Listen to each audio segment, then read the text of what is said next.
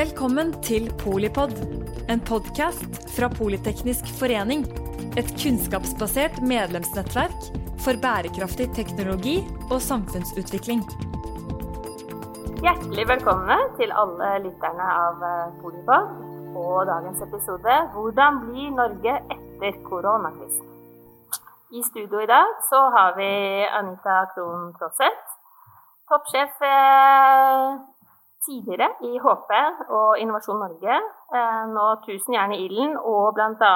rådgiver for EU-kommisjonen og leder av regjeringens utvalg for eh, vekst, grønn vekst, hvis vi kan kalle det det, i landbruket. Vi har med oss eh, Morten Munch Olsen, som er administrerende direktør i Bilkollektivet, som er Norges største bilpool og som også er en eh, fullverdig, fullstendig plattform i eh, fordelingsøkonomien i praksis, ved at eh, dere betjener hele bilkjedens verdikjede, egentlig. Og så har vi tredje og siste kvinns. Det er Janne Log, daglig leder i Samvirkene, som er interesseorganisasjonen for alle store og små norske samvirker. Også medlem av Politeknisk forening. Tidligere har du gjort mye på IT, og bl.a. vært eh, toppledergruppen i Tieto Evry. I dag kanskje jeg også si at jeg er da Mette Vagnes Eriksen. Jeg er generalsekretær her i Politeknisk forening. Vi sitter i studio eh, hos oss, og så har egentlig til hensikt å både gi mer innsikt og mer inspirasjon til hva vi kan bruke koronakrisen til å gripe fatt i det som var positivt, og se hva vi tror eh, det kan skape av nye verdier fremover. Så la oss begynne da med hva skjedde egentlig? Den fysiske isolasjonen har ført til at eh, digitaliseringen aldri har gått raskere. Men um, hvordan skjedde det? Og kanskje litt er vi i stand til å ta et skritt til, Anita? Det var jo en del diskusjoner for eh, noen uker siden om hvorvidt dette her var en sort svane eller ei. Eh, og en sort svane handler jo om eh, ting som skjer som vi ikke kan planlegge for. Men det viser seg jo at covid-19 var ikke en overraskelse. Fagfolkene sier jo at vi har venta på denne pandemien. Og at allerede i høst så var det flere miljøer som tok opp dette her, da.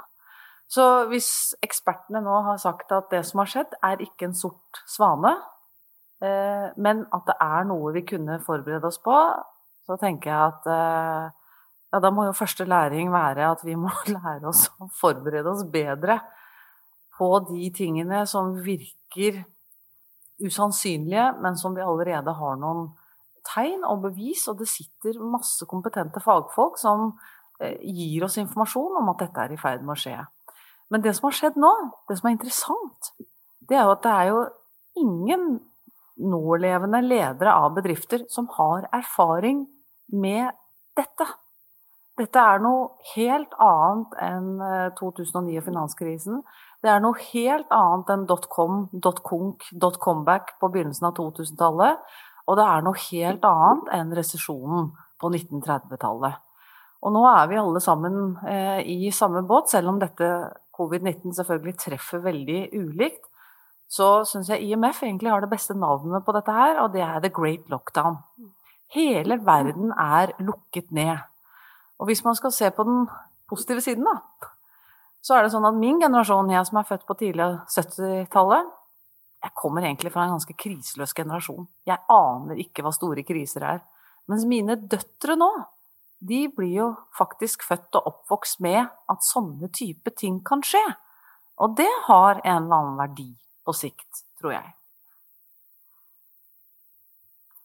Var det eh, noe du er enig i, Anne? Ja, det er jeg enig i. Og så syns jeg eh, at eh, den krisen her har lært oss hvor raskt vi omstilte oss i Norge. Eh, vi, vi, tok imot eh, Eller vi startet med hjemmekontor. Vi fikk, eh, skolene klarte å omstille seg til digital undervisning. Vi klarte det veldig raskt. Mens f.eks. i Japan så har de ikke klart det. Enda de er et land som er kjent for høy innovasjonstakt, så, så, er det under 30% av selskapene der som klarte å snu seg om til effektive hjemmekontor. Og 45% av bedriftene hadde ikke engang tenkt på det når vi var til oss på hjemmekontor alle sammen. Men så har jo de også en cyberminister da, som aldri har brukt en PC og ikke vet hva en USB er. Så det er klart Det er noe med en, en ting er å innovere, men det andre er jo å ta det faktisk i bruk. Det syns jeg har vært veldig positivt. Og så har har jo, eh, denne lockdownen vist oss hvor vi er veldig svake på digitalisering. Eh, sykehusene. Det var jo 19 eh, laptoper tilgjengelig på 23 000 ansatte. Det er litt lite. Um, sånn at uh, Jeg, jeg, jeg syns at vi, vi, klarte omstillingen veldig, veldig raskt, og vi har fått avdekket en del uh, steder hvor vi har litt hull. Og så er det viktig at vi får, uh, får fortettet. Eh, og så er det som sagt det å få en krise, altså en forståelse av hva en krise er. Fordi at dette her er, som Anita sier, en helt annerledes krise. For at i, i mer tradisjonelle kriser, eller kriser som vi er vant med, så kan du sette i gang motkonjunkturtiltak for å, for å bøte på. Men nå er jo nettopp poenget å være helt i ro. Eh, sånn at sånn sett så, så er det greit å, å ha evnen til å omstille seg. Eh, for vi vet ikke hvordan ting vil bli etter. Mm. Du Morten, du har vært eh, altså, både kanskje en sort svane selv og en eh, og i en eh, altså en gründer, oppstartsnæring, som, eh, som, ikke har tatt noe for gitt noen gang, kanskje? Hva, hva, var det som skjedde at uh, både du og landet klarte den brå digitaliseringen akkurat nå? Mm, vi har jo i, Bilkollektivet hatt uh, to år med fantastisk oppgang. Og vi har slått den ene rekorden etter den andre og blitt lønnsomme og, og hatt uh, voldsom vekst. og så egentlig plutselig, nærmest over natten, så er på en måte to tredjedeler av inntektsgrunnlaget borte. Uh, og det er jo utfordrende som, uh, som bedriftsleder, uh, med tanke på bedriften, selvsagt, og, og, kundene, eller medlemmene, men også de ansatte oppi det. og det som i hvert fall det ga meg, er jo det å bli kastet ut i kriseledelse og omstilling og endringsledelse med en gang. og det gjelder jo for min lille virksomhet, som jeg holder på med, men det gjelder jo også hele samfunnet. og det er jo litt spennende. og da da ser, det, da, da ser man jo det at når vi virkelig må, så kan vi faktisk omstille oss. Uh, og Det gjelder uh, igjen både bilkollektivet, som har på en måte funnet uh, litt nye inntektskilder, og man har sett på kostnader på en ny måte og, og brukt leverandør-kundeforhold mye mer effektivt enn man har gjort før. Men det gjelder jo også på, på samfunnsnivå. Eh, og det er jo dette her med at nød lærer naken kvinne å spinne, eller eventuelt uh, i nøden spise fanden fluer, hvis man heller skal bruke det. Uh, så kan alle, alle, føle seg tråkket på tærne, og ikke noen. Uh, men når man virkelig må, så, så, får man til. Og et eksempel på det er jo disse webmøtene. og det er spennende for oss som, som, driver med mobilitet, og som egentlig driver med mobilitet ut ifra et litt sånn idealistisk perspektiv. Eh, at vi, vi, er jo de eneste som driver i bilbransjen fordi at vi vil at folk skal kjøre mindre bil. Og det er jo litt interessant sånn sett. Eh, og da ser vi på det med, med webmøter. Og fra at det konsekvent tok 20-30 minutter å få kobla opp alle, så er det nå rett på. Og der er det veldig mange som har lært veldig mye veldig fort.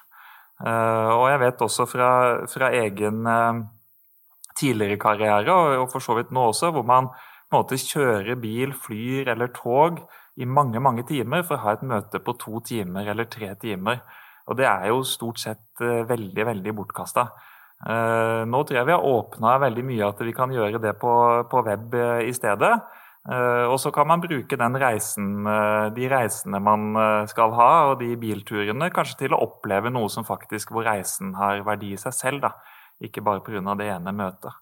Så det er, det er massiv omstilling på, på mange områder. Og, og, selv om det selvfølgelig er veldig negativt for noen, og det er noen som sliter veldig nå, og, og alt det der, av ulike årsaker, så kan det også være mye positivt i det, nettopp på de områdene.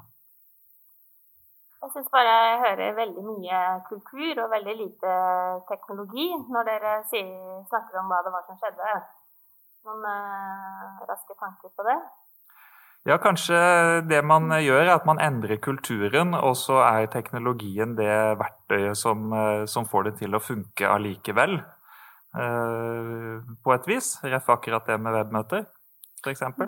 så var det jo egentlig ikke noe alternativ for bedrifter å ikke ta i bruk disse verktøyene, for de har vært der så lenge nå. Eh, og jeg tror nok også mange ser et generasjonsskifte her. At de yngre eh, kobler seg opp med en gang, vet hvordan de skal gjøre innstillinger. Mens i en del andre miljøer da, og i bedriftskulturer så må de først ha en opplæring på hvordan det skal gjøres. Eh, og så setter man i gang. Så ikke, man kan jo ikke si nå at teknologien ikke finnes. Den finnes der. Og en av de næringene som kommer til å få opptur nå, er jo nettopp de teknologibaserte næringene som sørger for eh, samhold, kommunikasjon. Men også dette norske selskapet vi har lest mye om, eh, Junacast, ikke sant, som, eh, som, følger med på hvordan vi beveger oss i den mm. fysiske verden, men med eh, en teknologiplattform. Så de, de, sitter nå på kunnskap og innsikt som kanskje mange før korona ikke ante hva var, men som nå er helt livsnødvendig for å kunne få en oversikt og sporing av hvordan er det eh, dette viruset som vi mennesker har, da, hvordan er det vi beveger oss. Og jeg tror også at vi vil se fra et teknologiperspektiv Eh, nå har jo Norway Health Tech har jo jobbet utrolig godt nå de siste fem til syv årene med å etablere en kritisk masse av norske medtech-selskaper, som jo er stort sett teknologibaserte alle sammen. Jeg tror eh, ikke bare de som jobber med å finne en vaksine på covid, eh, men andre teknologiselskaper knytta til helse vil også oppleve en boost. Og det samme vil det være på ren energi og på bioteknologi. Fordi nå, nå sant, i tillegg til at vi i Norge eh, nå får covid-19 over oss, som alle andre land, så har jo vi enda en utfordring som er knytta til oljepriser. For det er jo det bytteforholdet vi har hatt med verden, er jo olja. Og nå eh, skjer det jo noe på etterspørselssiden på olja mm. som gjør at eh, jeg tror prisen per fat i dag var litt over 20 kroner eller noe sånt. Og da, jeg bare minnes tilbake, da. Jeg tror det var i 2016 så lagde vi et utkast med innovasjonstalen til Innovasjon Norge. Og der hadde vi noe sånn scenarioarbeid hvor vi skulle prøve å se for oss hvordan ville eh, inntektene til Norge se ut dersom oljekursen var på spinneville 60 dollar hvis den hadde stabilisert seg på 60 dollar. Og da fant vi ut at vi ville ha et eksportgap på i overkant av 800 milliarder kroner i året.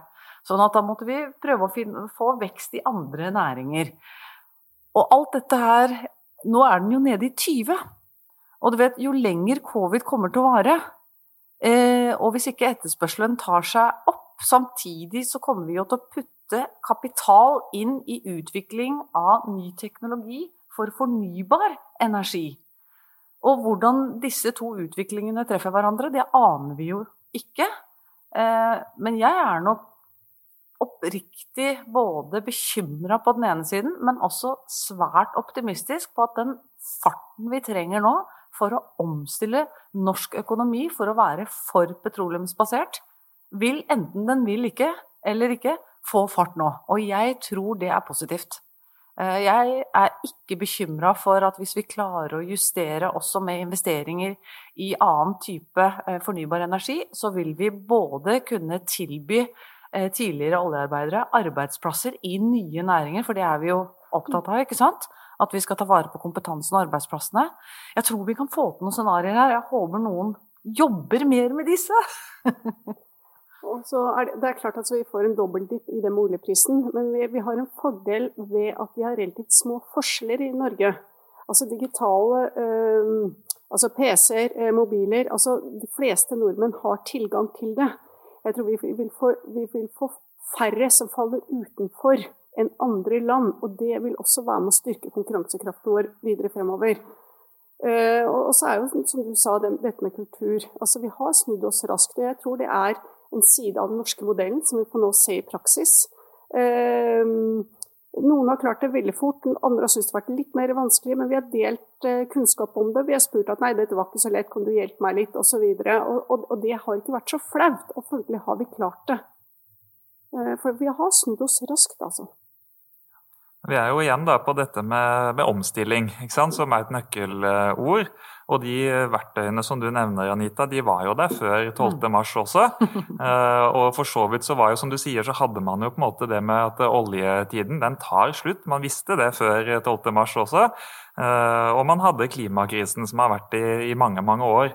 Men så skjer det noe akutt, og det skjer en krise. Eh, og først da er det virkelig vilje og evne til å omstille seg. Uh, og det er jo litt uh, interessant. Uh, og så er det jo litt i tråd egentlig med sånn type endringsledelsesteori også. Jeg tenker da litt sånn på Philip Cotter, og hvor det første du skal gjøre for å få til en endring, det er å create urgency. Ikke sant? Og det klarte man den jo. Det, den kom nå. Eh, og da så man jo faktisk et eh, reelt behov da, for å agere annerledes, og, og, også ta nye verktøy og nye metoder i, i, bruk. Og det er jo litt spennende å være i en sånn eh, tid og være med på det. Absolutt, det er, det er veldig spennende. Men jeg, jeg, jeg, får, jeg kjenner på et, et, større drag av alvor og bekymring nå enn jeg kanskje noen gang har gjort, da, så lenge jeg har jobbet. fordi nå er det jo vanskelig å sammenligne det vi opplever nå, både med resesjonen på 30-tallet og, og, andre ting. Og det jeg, jeg tror den nye normalen, i hvert fall de neste 10-20 årene, er å lære seg bedre å navigere i usikkerhet. For det kommer veldig mange spørsmål nå på ja, men når kan vi begynne med det, når kan vi det? Ja, men vi vet ikke. Og der syns jeg både Folkehelseinstituttet og politikerne i Norge har vært fremragende i måten de ikke har prøvd å late som om de har en fasit. De har ikke eh, Altså, de har klart den derre balansen med å ikke spre en urealistisk optimisme samtidig som at det gir inntrykk av at det er kontroll i den grad det er mulig å ha kontroll. Og det er jo egentlig ikke det, for vi mm. vet jo ikke nok om dette viruset. Vi vet ikke når vaksinen kommer. Det eneste vi vet, er at det tok jo eh, Fra resesjonen eh, så tok man Man sier jo at eh, for å få tilbake tilstanden fra 1929 Det fikk man ikke tilbake før 19, på 1950-tallet. Og hva er det som gjør at vi tror at dette ikke skal ta lang tid? Og, og, hvis vi begynner å snakke utenfor Norge også, da, med dette her med digitalt gap som du mm. nevner, så er vi jo innmari heldige i Norge med 5,2 millioner mennesker, hvor det er relativt stor likhet og tilgang på teknologi. Men tenk deg den humanitære eh, katastrofen som vi står overfor, og hva det har og hvordan det vil påvirke den internasjonale økonomien som mm. Norge er helt avhengig av. Mm. Så hvis jeg begynner en sånn tankerekke på de tingene her, så blir jeg ganske dyster. Eh, og så må mm. man snu seg fort igjen og så Ja, men det kommer mye innovasjon her òg. Eh, dette kan løses. Men jeg, man blir nesten litt sånn bipolar i disse tider, altså. Mm. Eh, går veldig sånn opp og Ja, men dette fikser vi. Og så Å nei, vi vet jo ikke, nei. Oi. Ja. Så jeg syns det er mer krevende nå enn det det var, har vært. Det er mye mer komplekst eh, kanskje enn eh, enn det har vært. Eh, men det sa de vel den gangen det var, det var verdenskrig og resesjoner før også, så det er vel noe menneskelig i det, da. Men representerer jo en 168 år gammel organisasjon. Dette er den tøffeste tiden for Politeknisk forening. Men, men, det er faktisk litt trøst i historiebøkene da, på, om hvordan de karret seg sammen og tenkte ut av boksen lenge før det ble et begrep, og satte i gang på nytt. Mm. Og det er jo det, Dette gjelder jo hele verdens eh, befolkning, selvfølgelig. Men, uh, men, i forhold til å skape noe tuftet på det vi kan og, og er gode på i Norge, da, så kanskje du, Janne, har noen andre eksempler da, på hva Eh, altså, du har jo også en, en, rekke gode, gamle medlemmer. Eh, og, og, kanskje det er noe å hente av, eh, av måte, omstilling og evne til å lykkes i, ut av dårlige tider og inn i nye og bedre tider? Jeg tror i det usikkerheten blir større, så blir eh, kompetansen viktigere. Så er det viktig, eh, riktig som Anita sier, altså det fører til en humanitær katastrofe. Men vi har også noen koronavinnere. Altså, Eierne Eieren av Amazon, Bezos, har blitt 250 milliarder kroner rikere siden koronaen startet. Altså 250 milliarder.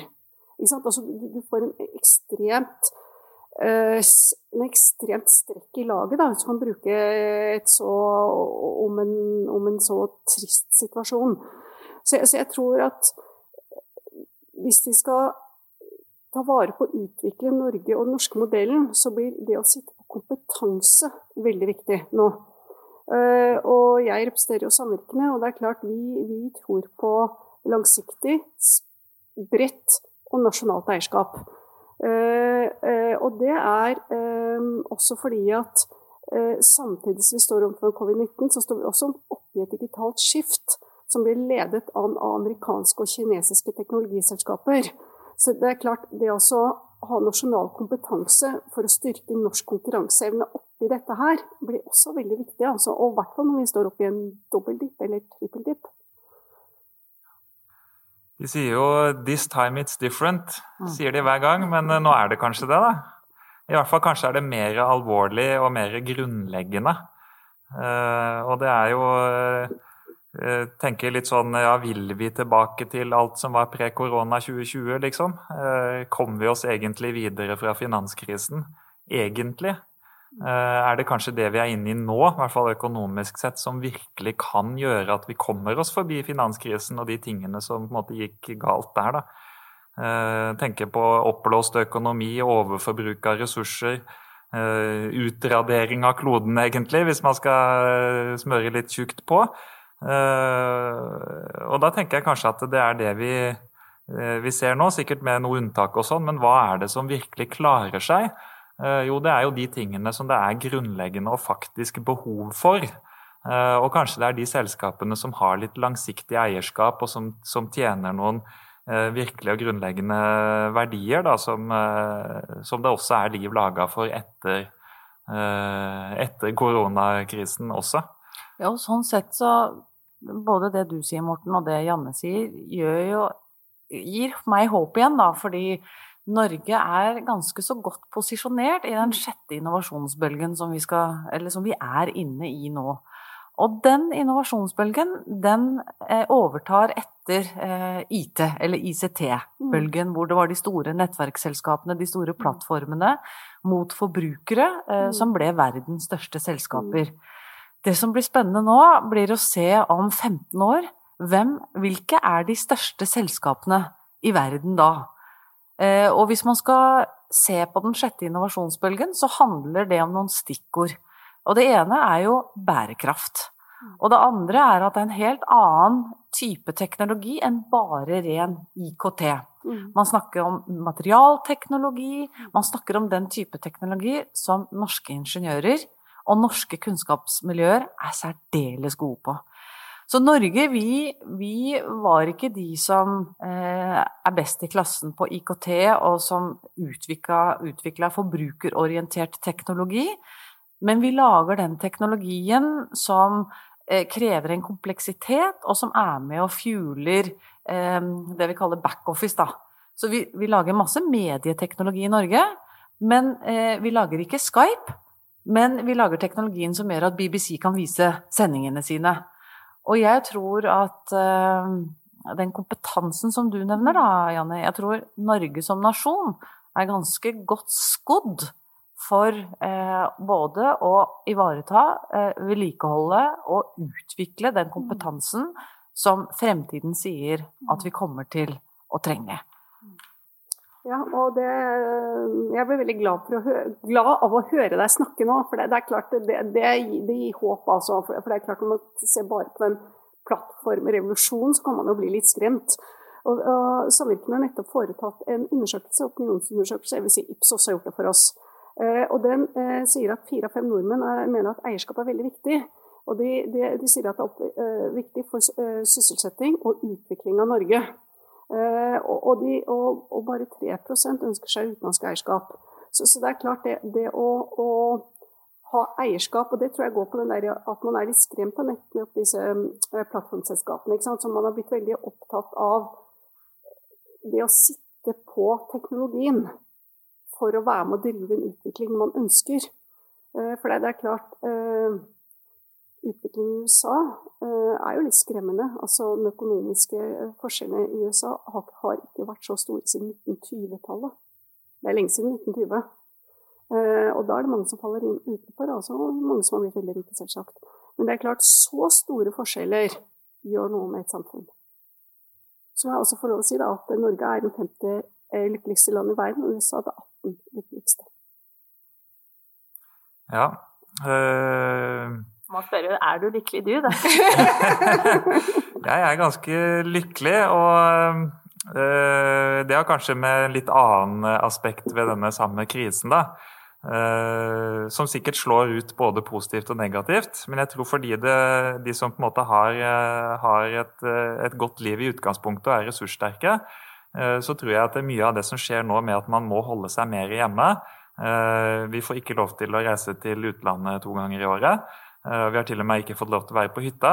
Eh, veldig mange har oppdaget nærtur og nærmiljø i en helt annen grad enn det man har gjort før. Eh, og sånn for meg, litt personlig òg, men jeg er sikker på det gjelder andre òg, det å ha hatt en periode nå hvor vi har sluppet alt det maset med barnas fritidsaktiviteter og flytte hit og flytte dit og kamper der og, og orkester der og sånn, det har faktisk vært litt deilig. Og jeg ser også på barna at de har på en måte et mye lavere stressnivå og fungerer eh, mye bedre. Så det er jo en sånn annen eh, aspekt ved det. Kanskje vi, vi, kanskje vi kan leve på måter som er litt mer i tråd med våre egen, vår egne behov og våre egne syke. Da. For jeg, jeg er ikke jeg er nok ikke helt sikker på om, om menneskene alltid er i stand til å innrette seg etter sitt eget beste. Vi har en tendens til å bare fylle på og fylle på og fylle på, eh, og så bikker det over uten at vi ser det selv. Men Morten, da er jo vi heldige da, som har eh, familie. Vi er jo ikke hjemme alene. Men det er jo ganske mange som er ensomme. Og det er klart at eh, vi kommer jo til å klare å bygge opp eh, både det lokale norske samfunnet og verdenssamfunnet etter dette. Men vet, en del av drivkraften etter krigen f.eks. var jo det fellesskapet, det fysiske fellesskapet. Det har vi ikke nå. Så når vi nå skal si, samles i et rom og samarbeide, så er, det, så er den fysiske avstanden veldig stor. Eh, men jeg tror nok at vi blir enda bedre på å løse fellesoppgaver digitalt. At vi er ikke avhengig av eh, den eh, fysiske møteplassen. Men vi som mennesker trenger jo å bli tatt på. Ikke? Og, og omsorg. Og jeg er litt i samme situasjon som deg. Nå har jeg vært eh, hjemme med, med familien. og Vanligvis så ser jo jeg f.eks. ikke hun mellomste, for hun er jo bare på trening. Jeg ser henne jo aldri. Eh, og det har vært veldig hyggelig å rett og slett være innelåst sammen. Eh, og, bytte på annenhver dag, så går vi og ser på oppskrifter, og så handler vi inn, og så lager vi mat. og så... Det har vært utrolig hyggelig. Men så er jeg også veldig bevisst på når jeg sier det, at det er jo litt egosentrisk. fordi at det er veldig mange som ikke har det sånn. Uh, og som sitter alene og ikke får besøk, eller har, mister en eller annen bestefar og ikke kan si ha det. Og, altså, bare den tanken på at noen i min nære familie nå La ta, si min far, da. Eller hvis han hadde fått korona nå og, og, og, skulle dø, og vi ikke får holdt den i hånden, det syns jeg er uh, ja, altså, Det er en slags sånn en sånn uh, glede med bismak, mm. rett og slett. Den, uh, men jeg kjenner meg igjen i den der få ned skuldrene og roe og bare være mm. sammen og mm. ja, altså Igjen litt den der bipolare greia. da. På den ene siden så gleder du deg litt, og så svopp får du litt sånn dårlig samvittighet, og så må du tenke litt på de andre, og så gleder du deg igjen, og så ja, kommer virkeligheten og tar deg litt. Men tror dere vi reflekterer eh, annerledes her i Norge med måten vårt næringsliv og samfunnsliv er på, organisert på? I denne litt sånn, Det er jo en litt sånn pauseposisjon, da. Vi klarer å sette pris på det vi har, og kanskje reflektere mer om hvor vi vil. Men er det noe eget ved den norske refleksjonsmåten som gjør at vi i større grad enn andre kanskje kan konkurrere mer om å, å få opp igjen et bærekraftig næringsliv. Da. Kjenner dere til, eller er det noe du, som slår deg, Janne, der? Ja, men jeg er enig med Morten at vi har nok hatt et litt sånn høyt stressnivå. Og akkurat som vært sånn hamster i hjulet, alle sammen. Det er om å gjøre bare for å få gjort det mest mulig. Eh, trent mest mulig, og så litt yoga for å roe ned, og, liksom, og litt eh, musikk for å Altså liksom full fart i alle retninger. Og det er nok eh, Eh, jeg vet ikke om vi har hatt høyere aktivitetsnivå enn andre land, men, men jeg tror i hvert fall vi har gått av denne refleksjonen. Og vi, vært, eh, vi, er i hvert fall mer naturopptatt og turopptatt og sportsinteressert i forhold til Jeg tror i hvert fall vi gir rom for litt refleksjon. Men vi har det jo så innmari mye bedre òg, vet du. Ikke ja. sant? Vi har et velferdssamfunn, så hvis du ser på hvordan forskjellene er i USA, eller i mm. store deler av Asia, eller i Sør-Afrika, eller i andre typer land. Ok, så er vi innestengte i relativt gode boliger mm. for de aller fleste. Mm. Vi har et velferdssamfunn som tar vare på oss. Vi får nok mat. Vi trenger ikke å bekymre oss for disse basale overlevelsestingene, da. Eh, og det tror jeg hjelper oss til å kunne ha litt ok refleksjoner Eh, som vi jo trenger. Men eh, vi, vi, er jo født med gullbillett når vi først kommer med covid-19 og vi, vi, sitter her i, i, Norge. I New York er det mange millioner barn som ikke får mat nå, fordi det uh, måltidet de får om dagen, er på skolen. Mens våre barn sitter jo hjemme og får mat og digital undervisning. Så det er jo sånn, som, noen, som, vi var inne på her, Anita, sånn, det er jo noen som har det veldig vanskelig. Og det gjelder i Norge òg. Mm. Og det er nok en del familier som det ikke er så hyggelig å være tett lukka inne sammen med over lang tid. Mm. Uh, alt fra de som i utgangspunktet er dysfunksjonelle, til noen som bare kanskje har det litt uh, vanskelig. Så er det mye som, som, skjer. Men poenget her var jo kanskje hva man kan ta ut av det som faktisk fungerer. Og mm. da, da kan man jo se på det at Eh, vi får jo anta at majoriteten er velfungerende familier og, og, og, sånn, at da kan man hente ut eh, mye av det. Eh, ellers så reflekterte jeg litt på det du sa, Janne. Jeg kommer jo da fra et stort amerikansk firma. Blodkapitalistisk sådan, og inn til et norsk miljøidealistisk firma. Og det er ganske stor overgang. Eh, og eh, kanskje den største overgangen, eh, sånn som jeg reflekterer over det, det er nærhet til verdiskapning. Mens man i, i det amerikanske selskapet, som har masse positivt å, å, si om det, og man skapte gode verdier, men det ble mye mer fokus på profitt. Eh, og et jag etter profitt, og det var et voldsom kortsiktighet i forhold til å generere den eh, profitten.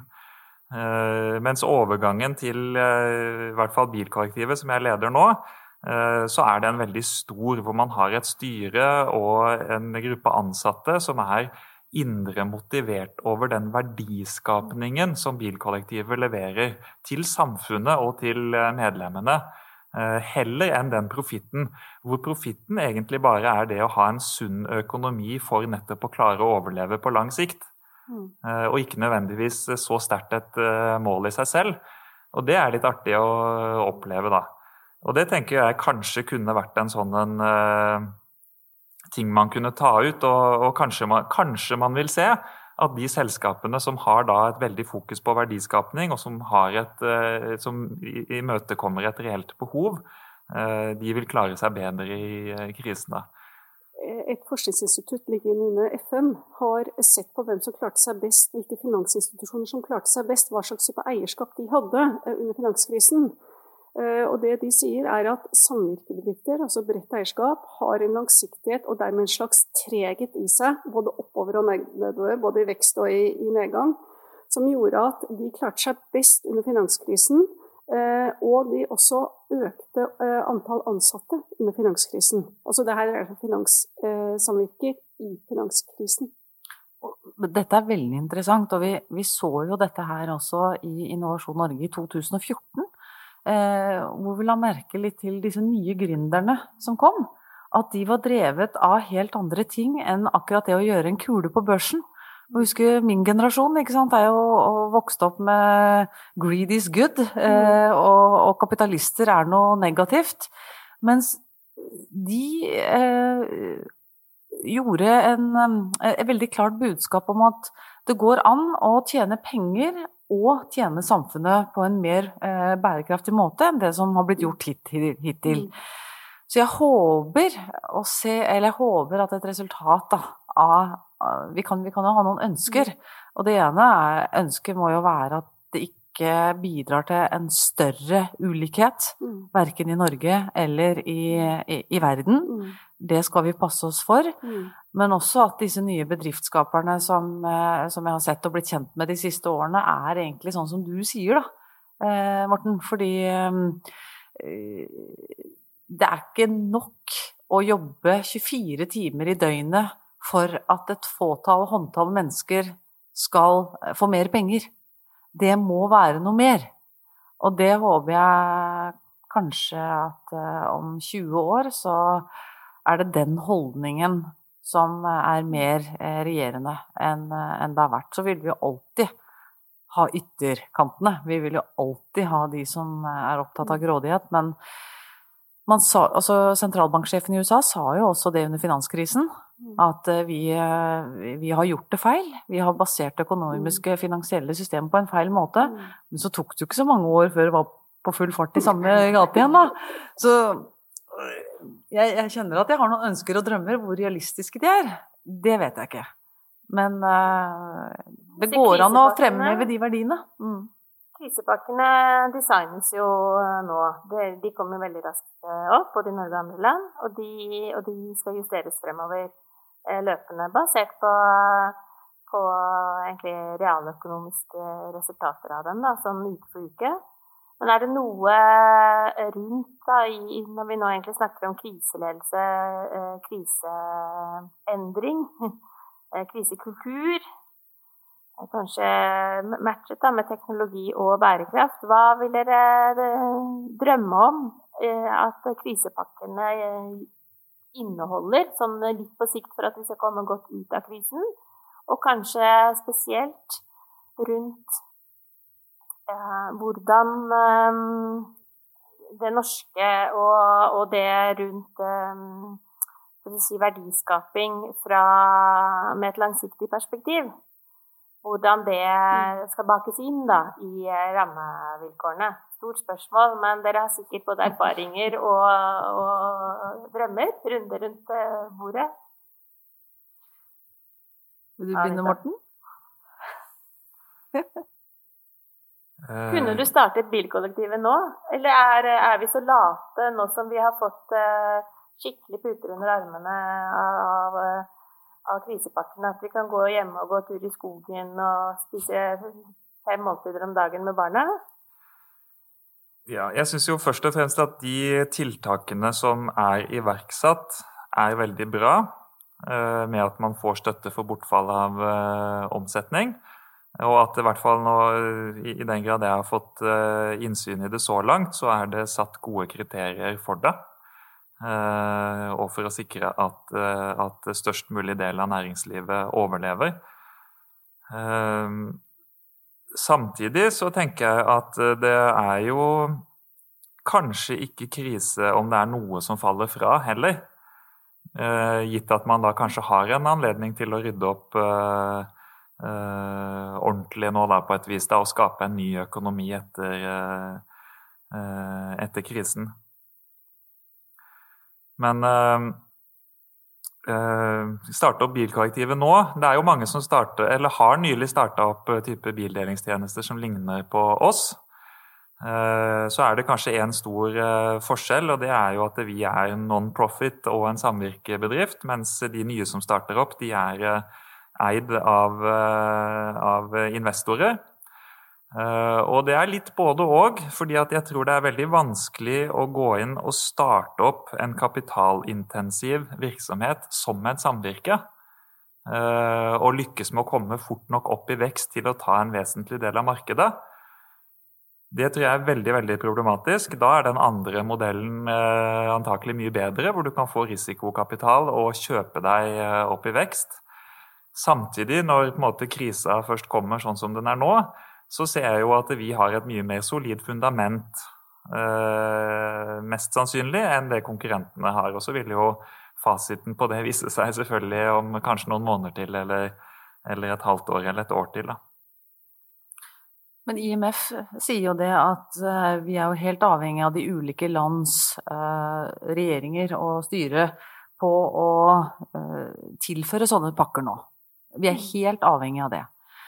Men de kan ikke vare for evig.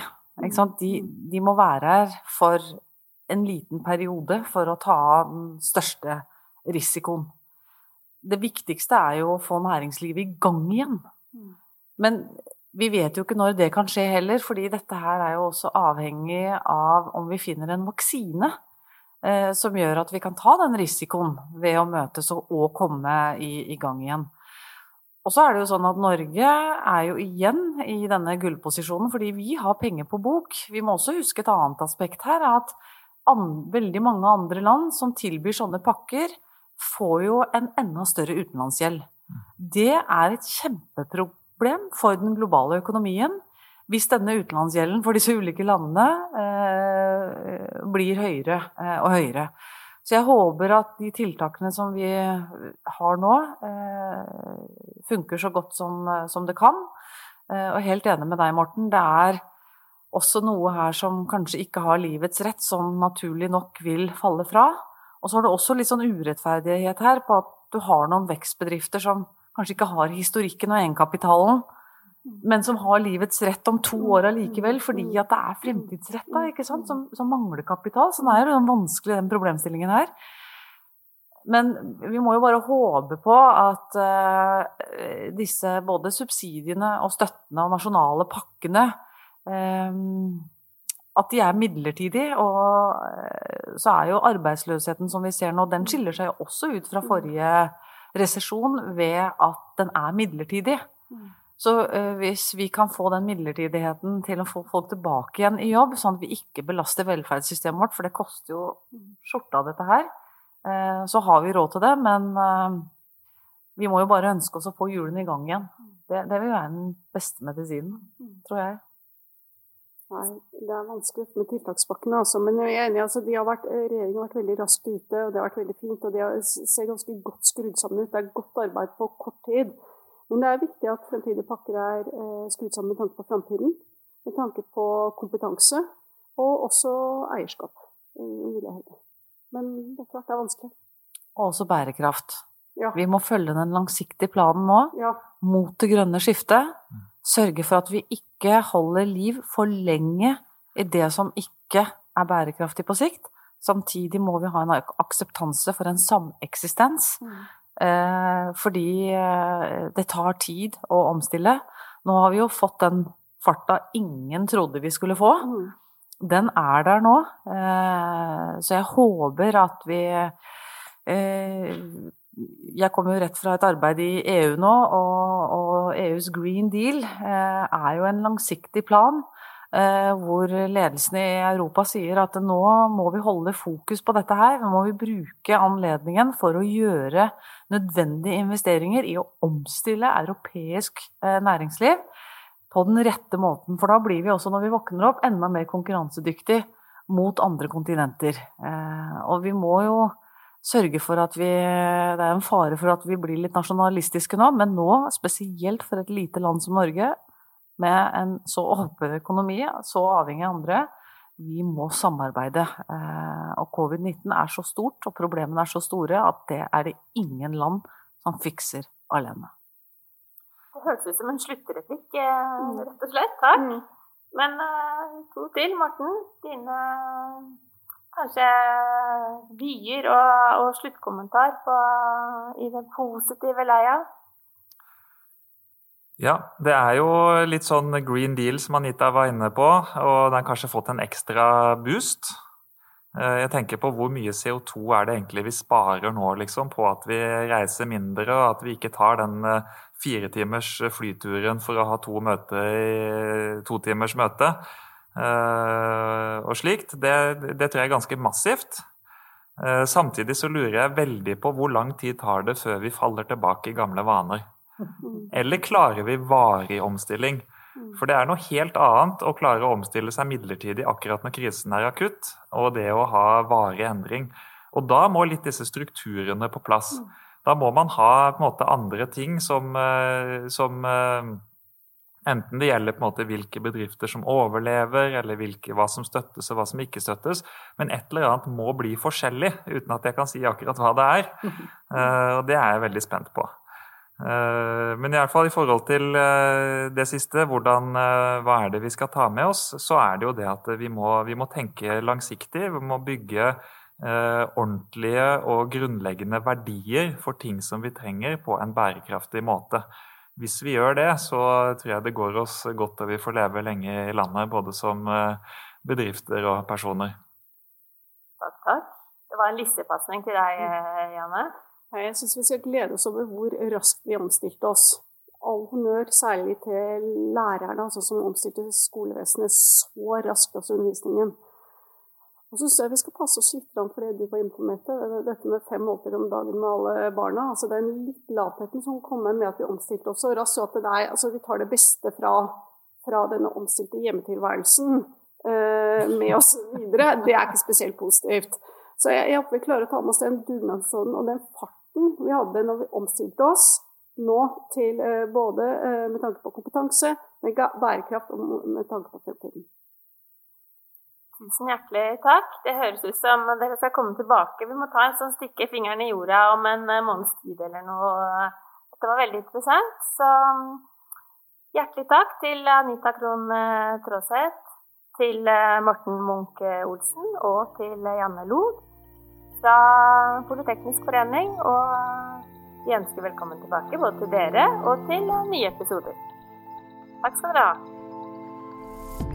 Takk for at du lyttet til Polipod fra Politeknisk forening. Få med deg flere episoder, eller bli med på nettverksmøtene som du finner på at polyteknisk.